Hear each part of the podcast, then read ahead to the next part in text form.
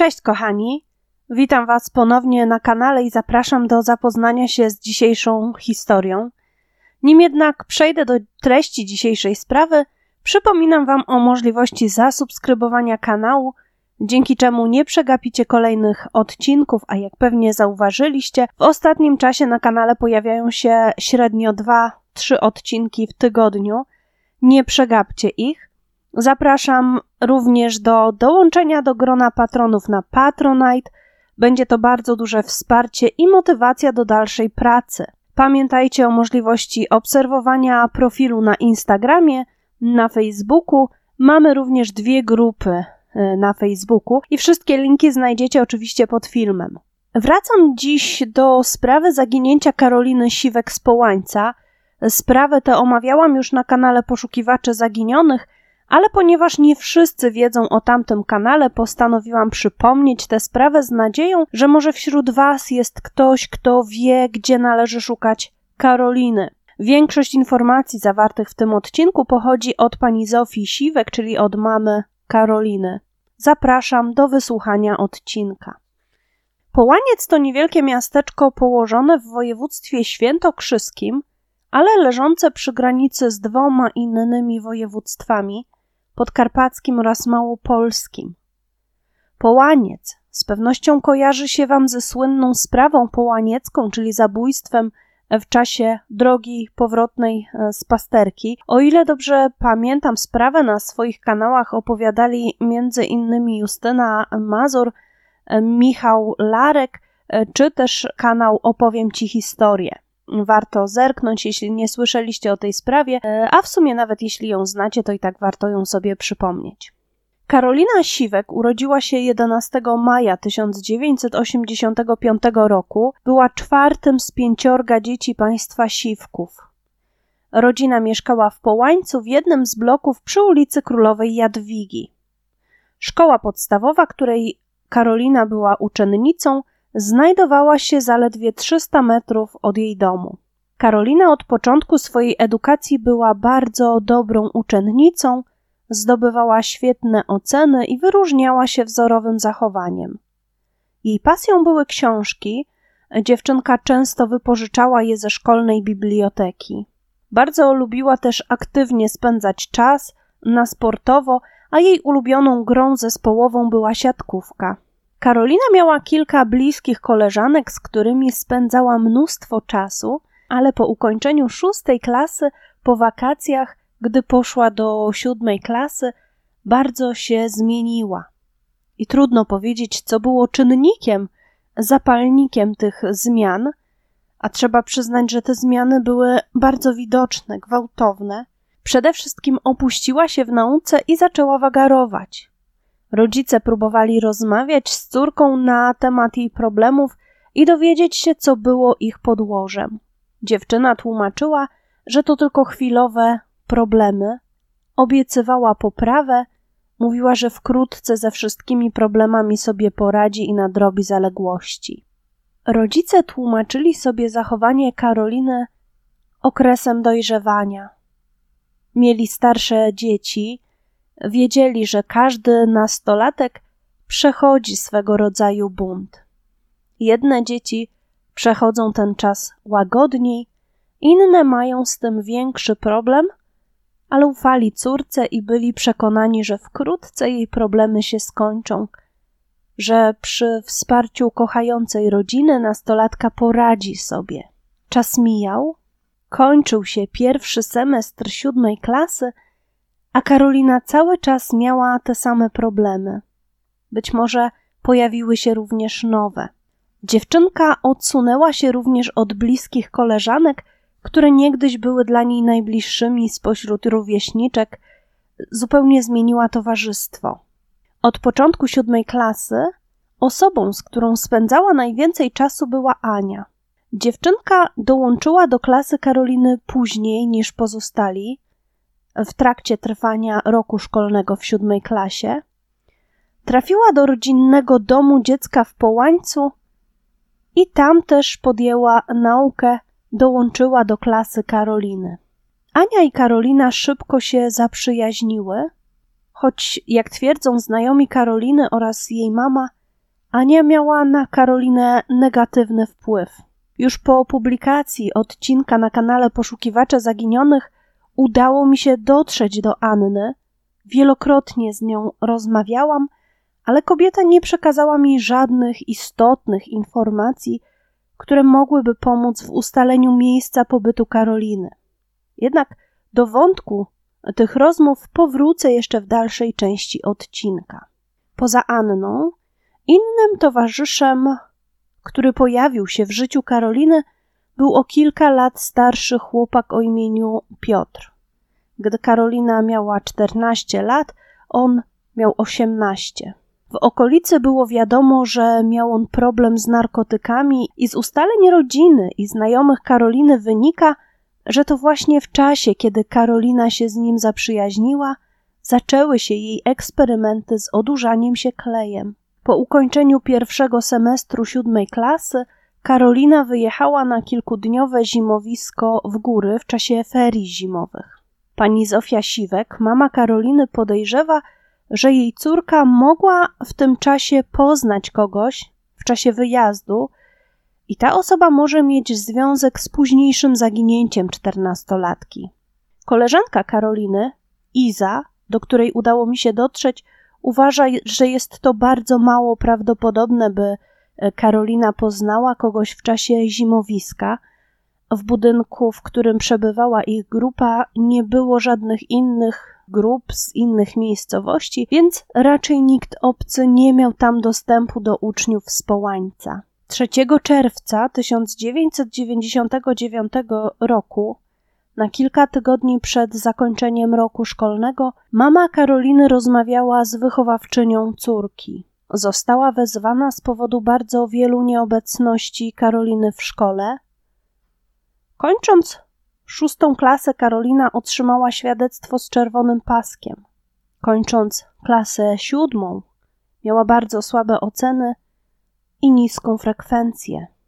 4 czerwca 1999 roku Karolina jak zwykle przygotowywała się do szkoły. Było po godzinie siódmej, gdy pani Zosia po raz ostatni widziała córkę. Lekcje w Połańcu zaczynały się o godzinie 7.50. Karolina wyszła z mieszkania i udała się, jak sądzili rodzice, do szkoły. Tego dnia nie dotarła jednak na zajęcia. Wczesnym popołudniem Karolina wróciła do domu, zostawiła plecak i wyszła z mieszkania. Tata dziewczynki był akurat w domu, przebywał na zwolnieniu lekarskim.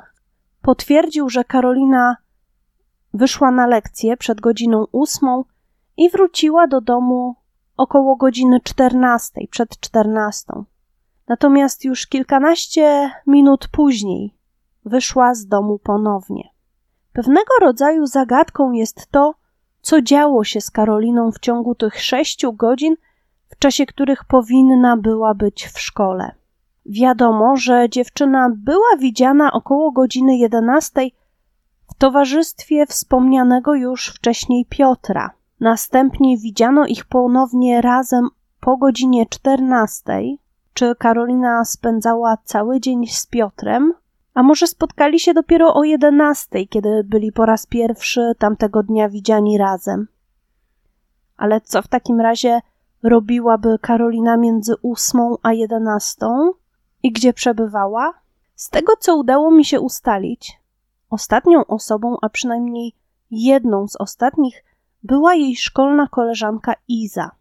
Pani Iza wspomina dziś, że tamtego dnia, w piątek 4 czerwca po południu, poszła na targ po owoce.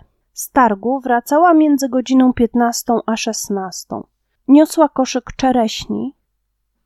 Koło garaży przy ulicy Czarnieckiego Iza spotkała Karolinę i Piotra. Dziewczęta zamieniły dosłownie kilka słów.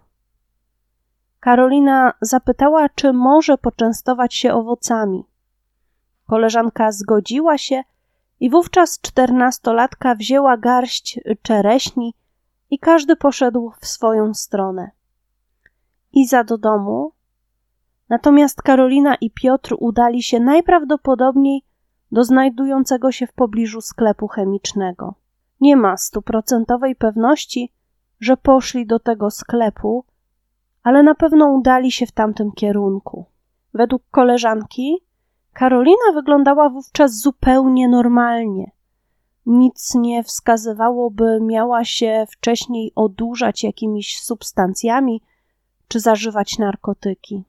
Pani Iza nie wie, kto nauczył Karolinę odurzania się klejem. Według jej wiedzy Karolina zaczęła to robić w czasie wakacji między szóstą a siódmą klasą i o ile sobie przypomina, Karolina poznała Piotra już w czasie roku szkolnego w siódmej klasie, natomiast koleżanka Ania również dołączyła do klasy już w trakcie roku szkolnego. Zatem w tym towarzystwie mogła być jeszcze inna osoba, która wciągnęła Karolinę w używki i w złe towarzystwo. Udało mi się jeszcze porozmawiać z kolegą Karoliny o imieniu Mariusz, który natomiast jest przekonany, że Piotr B. wciągnął Karolinę w używki.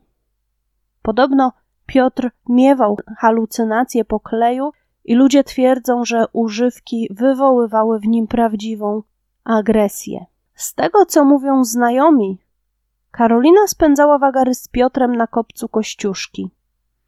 Z kolei jej koleżanka Ania mówi, że zdarzało im się jeździć okazją do Szczucina i Sandomierza. Ale co miałyby tam robić? W Szczucinie? Tego już nie była mi w stanie wyjaśnić. Znajomi wątpią w słowa Ani. Uważają, że nastolatki nie miałyby wystarczająco dużo czasu, by w godzinach, kiedy odbywały się lekcje, pojechać do tych miast i zdążyć później wrócić o odpowiedniej porze, zgodnie z godzinami, w których kończyły normalnie lekcje. Przypomnę, że Szczucin i Połaniec te dwie miejscowości dzieli dwadzieścia kilka e, kilometrów, a niecały rok wcześniej, przed zaginięciem Karoliny, w Szczucinie została zamordowana Iwona Cygan. Karolina miała w siódmej klasie chłopaka, miał on na imię Kamil.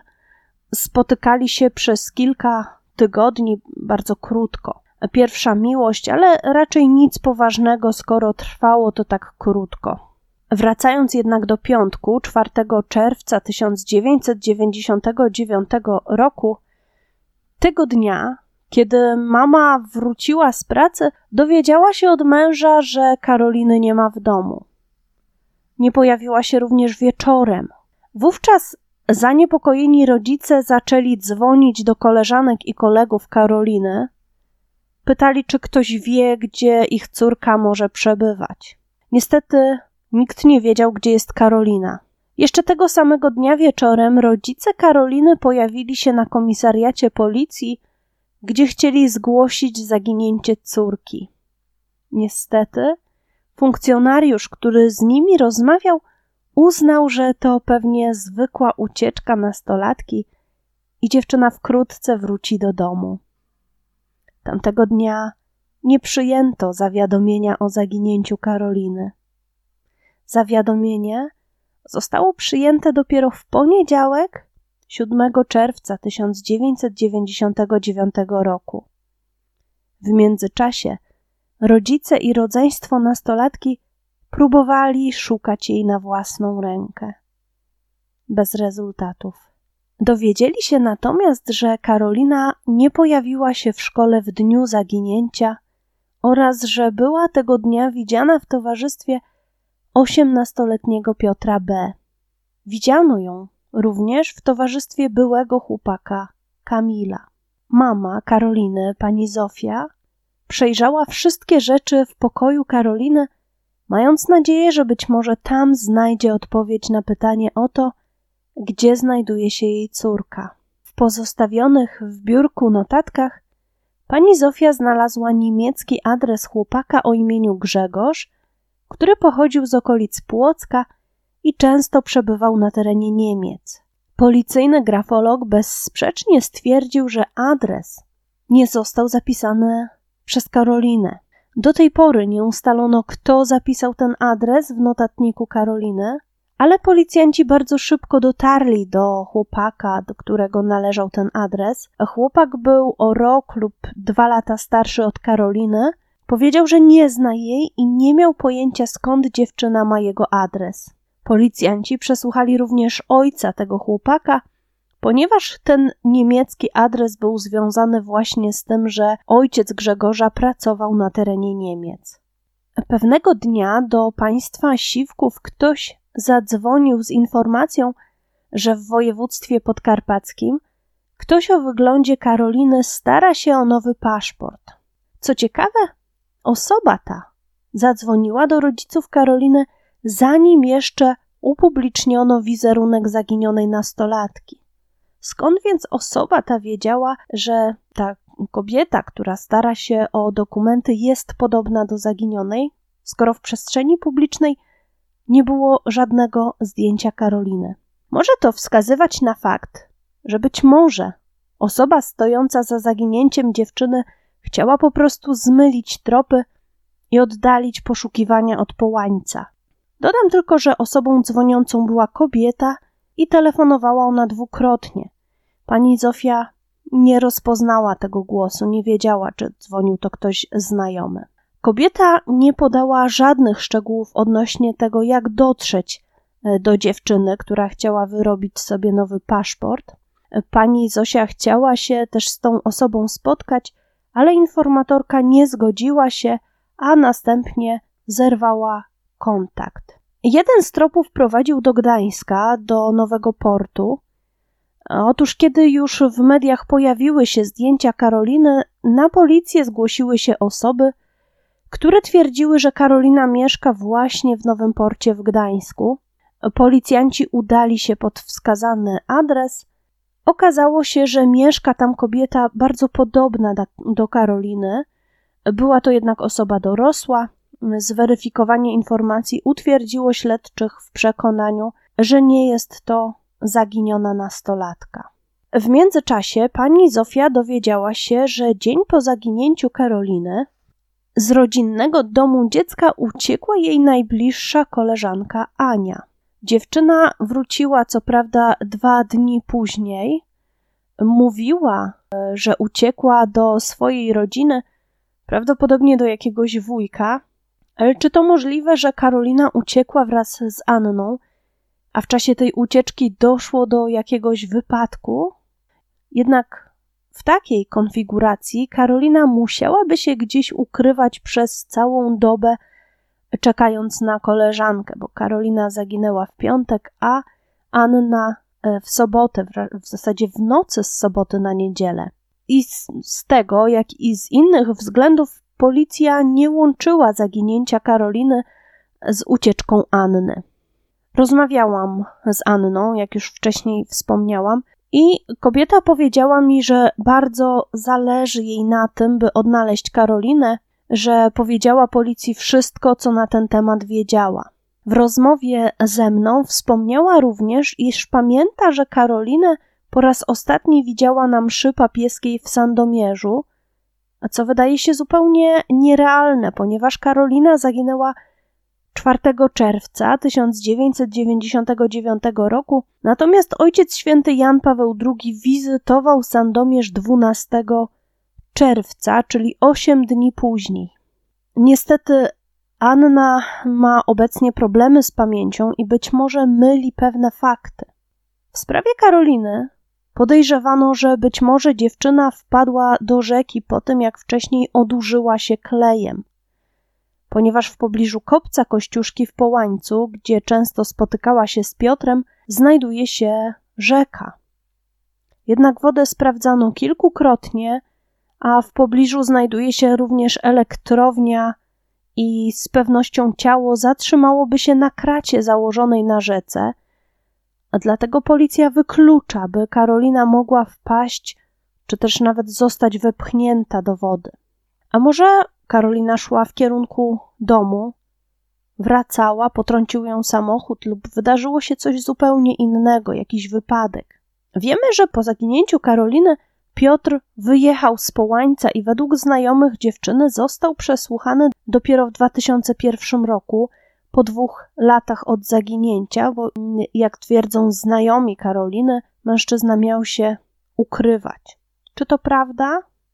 Na pewno wyjechał, ale jaka była przyczyna jego wyjazdu, tego nie wiemy. Jakiś czas temu dostałam anonimową wiadomość od osoby, która znała zarówno Karolinę, jak i Piotra, i osoba ta napisała między innymi. Cytuję: Piotr i jego rodzeństwo nie mieli łatwego życia. Ojciec lubił się napić. Ale Piotrek nie był złym dzieckiem. Łobuziak, ale o dobrym sercu. Później ojciec zmarł. Piotrek zaczął hasać własnymi ścieżkami. Widziałem i słyszałem, że byli nierozłączni z Karoliną. Wagary to był standard. Las w pobliżu kopca Kościuszki to był ich dom.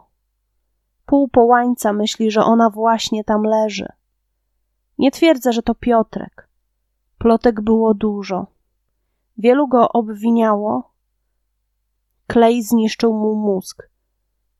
Nie był groźnej postury, ale dla ludzi w połańcu takie klejowe zachowania są przerażające.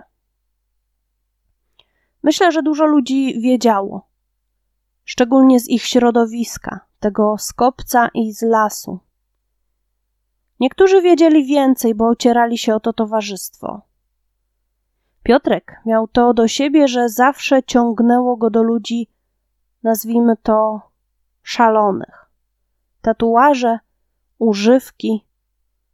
Wiadomo, każdy był kiedyś młody, ale to, co wyprawiał Piotrek, było skrajne. Karolinie jakby to imponowało. To dziecko jeszcze było. Chciałbym, by nadal żyła. Cień szansy jeszcze jest, ale moim zdaniem nikły. To rozległy teren jest, no i ta Wisła. Z drugiej strony, czy człowiek będący później przez lata w ciągu klejowym i alkoholowym nigdy nikomu w towarzystwie niczego nie powiedział? Nawet nieświadomie. Czy to możliwe? Są ludzie, zwłaszcza z bloku Karoliny, którzy wiedzą więcej. Ludzie Piotrka skreślili, ale on naprawdę nie był złym chłopcem. Ale jego, jak i wielu innych, zniszczyły używki. Połaniec to małe miasto, niby spokojne, lecz tak podsumowując, to trochę smutnych, strasznych wydarzeń było.